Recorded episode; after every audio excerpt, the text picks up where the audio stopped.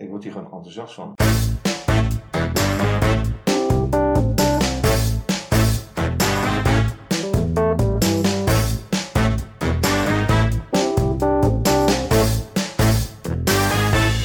Welkom bij Praten over Dingen. Ik ben John En ik ben Robert. en eh, samen eh, maken wij deze prachtige podcast over dingen. Ja, klopt, eh, John. Ik heb, ik heb een eh, ding meegenomen. Ja, het is eigenlijk niet een ding. Het is eigenlijk een super groot ding. Maar ik geef het jou en dan zul je waarschijnlijk wel herkennen, denk ik. Of misschien ook niet. Nog, een printje ervan eigenlijk. Ja, wat ik zie eh, is een prachtige kaart met allerlei kleuren. Ik moet even goed voor me houden. In 1987 was ik in, in Londen. En toen moest ik eh, ook van de ene naar de andere station met de metro.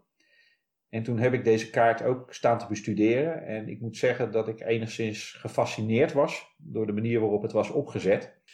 Dat ik niet onmiddellijk begreep waar ik moest zijn. En de kaart was ook zo groot dat ik ook niet onmiddellijk terugvond eh, waar het station was waar ik naartoe moest. Uiteindelijk ben ik er wel uitgekomen. En dat is waarschijnlijk ook de kracht van deze kaart.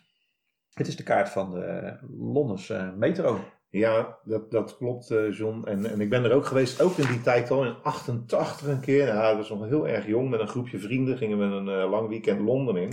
En daar kwamen we eigenlijk voor het eerst in contact met de metro. Ik bedoel, hier in Rotterdam is ook een metro. Maar dat, is, dat is zijn gewoon twee lijnen die elkaar ergens kruisen. En, en, en dat is net een tram. Maar de, de metro in, in Londen, noemen ze daar eigenlijk de underground. En als je met de mensen zelf, de Londenaren, praat, dan noemen ze het ook de tube. Die is gewoon ongelooflijk groot. Van 11, 12, 13 verschillende lijnen die dwars door elkaar heen gaan. Nou, wat, waarom vind ik nou, want het gaat mij om de kaart. Het gaat mij je weet dat ik enorme fan ben van, van cartografie, kaarten, zeekaarten, landkaarten, atlassen, globus. Ja, je hebt een complete bibliotheek van kaarten. Dat Ja, ik vind dat geweldig. Maar deze is gewoon, dit is gewoon de kaart van de 20e eeuw, om het zo maar te zeggen. In, in 2005 werd het verkozen in de top 5 volgens mij van de nationale Britse iconen van de 20e eeuw. En daar zat dus de kaart in van de metro. Want iedereen die dat ziet, dat herken je gelijk. Je Ja. kan er t-shirts van kopen. Ze zijn voor de grap nagemaakt op een wereldkaart. Zodat je van San Francisco naar Amsterdam kent in een lijn. Vergis je ook niet. Weet je, weet je wanneer de eerste lijn werd geopend? Nee, dat, eh, dat, dat weet ik niet. Het moet toch ergens in... eh, Het is de eerste in de wereld, hè? Londense metro is de 19- oudste. 1900 misschien? Nee. Nee? Het is echt, ik schrik ervan. Is 1863. 1863? Het is dat, 155 jaar oud nu, op dit dat, is, moment. dat is 30 jaar na de eerste trein dus. Ja, en ik, ik heb die kaart voor me liggen en ik heb er even een aantekening van gemaakt. Dat was dus lijn van Paddington Ja? naar Fannington. Beertje. Beertje Paddington? Ja, Beertje Paddington. Nee. Sinds 1863 is dat maar gaan uitbreiden, uitbreiden, uitbreiden, uitbreiden. En het is groter geworden. Het is nu ligt er dus meer dan 400 kilometer aan, aan, aan rails door Londen heen. Allerlei verschillende lijnen. Ik zal er een paar noemen. Circle Line, Central Line, Piccadilly Line, Jubilee Line, Northern Line, Metropolitan. En de nieuwste, die is echt nu, de New Elizabeth Line.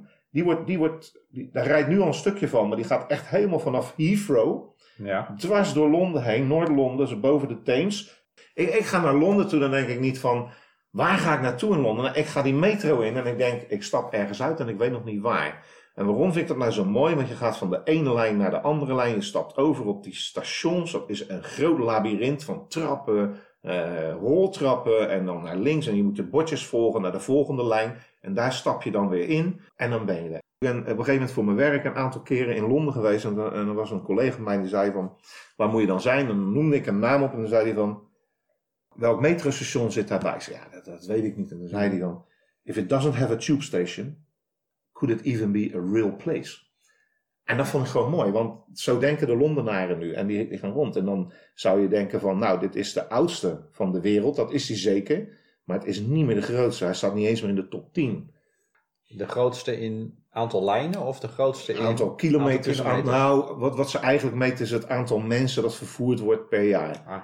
En als je dan gaat kijken, dan zit, zit Londen, het Londense metro, metronetwerk, zit op 1,4 miljard in 2017. Mhm. 1,4 miljard, dat is Ja. een aantal miljoen per dag. En daarmee komt het niet meer in de top uh, 10. Want daarin zit vijf, zes Chinese steden inmiddels. Uh, Hongkong, Seoul, Korea, oh ja, Tokio, dat soort plaatsen. Ik geloof zelfs Moskou is zelfs groter inmiddels. Deze kaart kent iedereen. Ja. En ja, je bent duidelijk uh, enthousiast over deze kaart.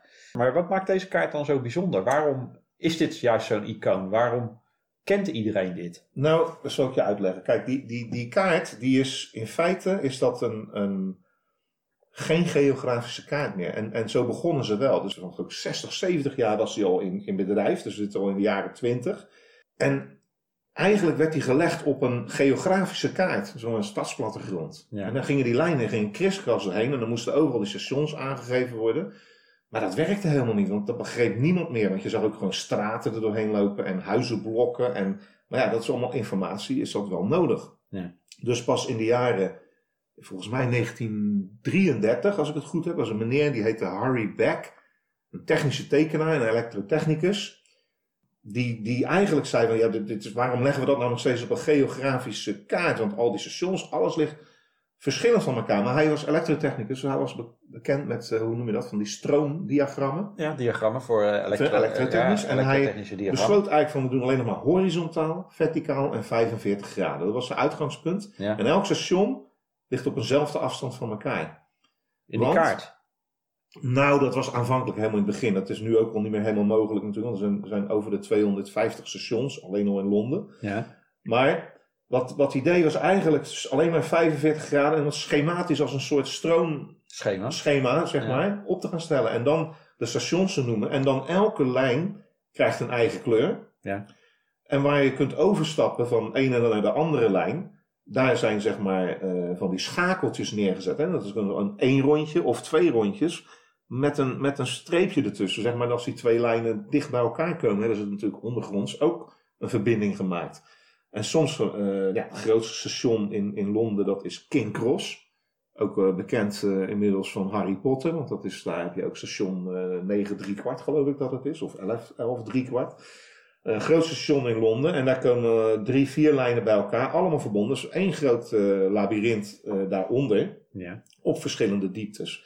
Dus hij, hij heeft eigenlijk niet inzicht van waar je precies bent, maar hij besefte dat de mensen eigenlijk wilden weten waar moet ik overstappen? Ja. Dus het is veel belangrijker dan te zeggen, ja, ik zit nu hier en ik moet daarheen. Nee, waar moet ik overstappen? Want al die lijnen die ooit als verschillende bedrijven starten en nu allemaal onder de lul vallen. Ja.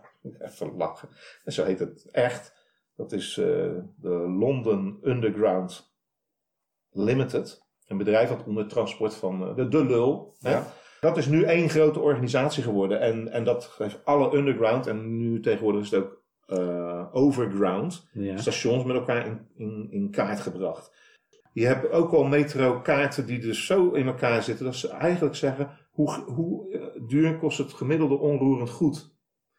Wat is het gemiddelde salaris per station? Dus, dus als je de zones verder naar buiten gaat, dus dichter naar 3, 4, 5 en, en 6, en ze komen binnenkort al met zone 7, dan zijn daar dus de lage lonen. En de hoogste lonen liggen natuurlijk in de centrum van, van Londen. Daar zijn ook de hoogste huren.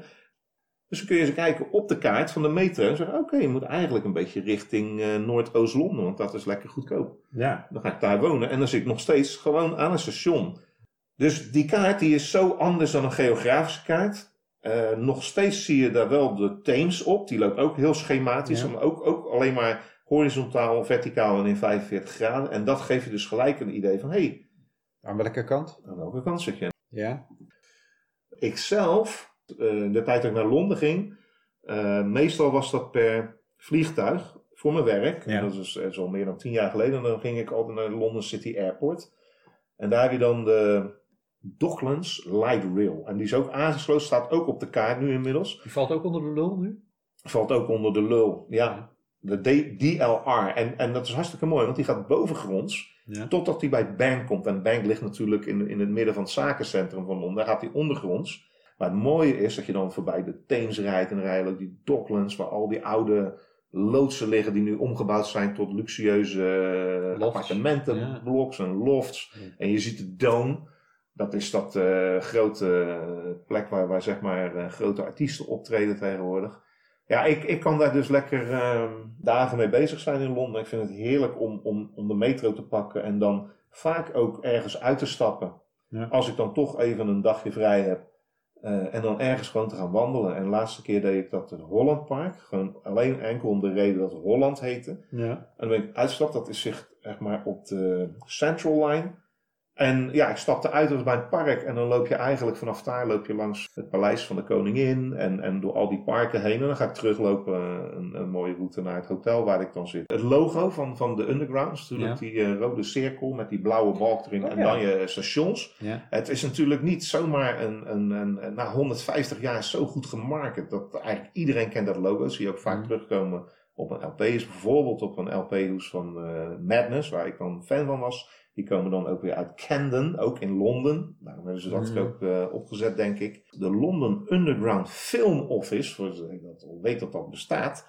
Die krijgt elk jaar over 200 verzoeken om films op te nemen in, in de Londense metro. En, en je zal best wel een aantal films kunnen opnemen. Zombiefilms tot en met actiefilms. James Bond. Iedereen is al in de metro Maar geweest. Dat kunnen ze toch niet op, eh, zeg maar, de, de normale gebruikelijke stations Nee, en daarom is er een speciaal kantoor voor opgericht die dat eh, handelt. En er zijn een aantal stukken rails en, en een aantal stations die niet meer in gebruik zijn. Mhm. eh, maar die nog wel gebruikt kunnen worden voor film. En, Ja. en dus is daar een speciaal kantoor voor opgericht. Want er wordt natuurlijk veel film gemaakt in Londen.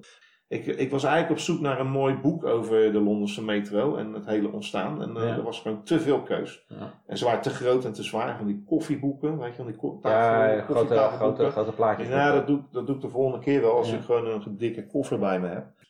Noem me één bouwwerk in de wereld waar al 150 jaar aan gebouwd wordt. Een, een, een enorm labyrint. Met, ta- ik vind het echt een wereldwonder. En, en ik vind het zeer ondergewaardeerd. En die kaart die representeert dat. Het is, het is misschien ook wel iets als een magisch labyrint, net zoals bij eh, Harry Potter. eh.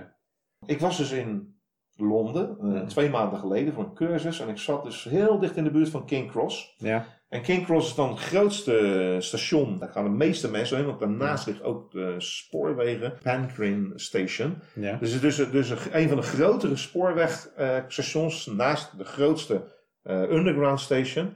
En, en ik zei het al eerder, het is dus het Harry Potter station. En daar heb je dus die muur waar hij doorheen rent in de eerste film. Ja. Als je dat nog kan herinneren. ja, dat kan ik me goed herinneren. Ja, Ja. maar die is daar dus echt en die staat dus ook. En daarachter is een winkel. Ja. En daarvoor staan gewoon iets van 300, 400 mensen. Ik ben daar geweest. Ik moest er elke dag doorheen. S ochtends, 's middags, 's avonds. Er staat altijd een enorme rij met mensen. Van Korea, China tot en met Amerika, Zuid-Amerika. Allemaal te wachten tot ze daar met hun koffer voor de muur mogen staan om een foto te maken. Ja. Ja. Bizar. En, Ja. en typisch Engels. Ja. Het is gewoon een- alleen daarom al een heel beroemd station geworden. Het is een eh, boeiend verhaal over de, de kaart en de metro van, eh, van Londen, de London eh, Underground. De lul. De lul. Zoals het ook wel genoemd waren, ze worden het helemaal niet genoemd hoor. Daarmee zijn we alweer aan het einde van eh, deze podcast en het derde onderwerp wat wij behandeld hebben. Ik ben blij dat eh, je ons gevonden hebt, waar het dan ook is. iTunes, Spotify, Soundcloud, maakt niet uit. Als er een mogelijkheid is om ons te liken, om jezelf te abonneren, een review achter te laten, doe dat dan. Dat helpt ons enorm vooruit in eh, bekendheid en eh, het aantrekken van nieuwe luisteraars. En dan worden we één grote gezellige familie die praat over dingen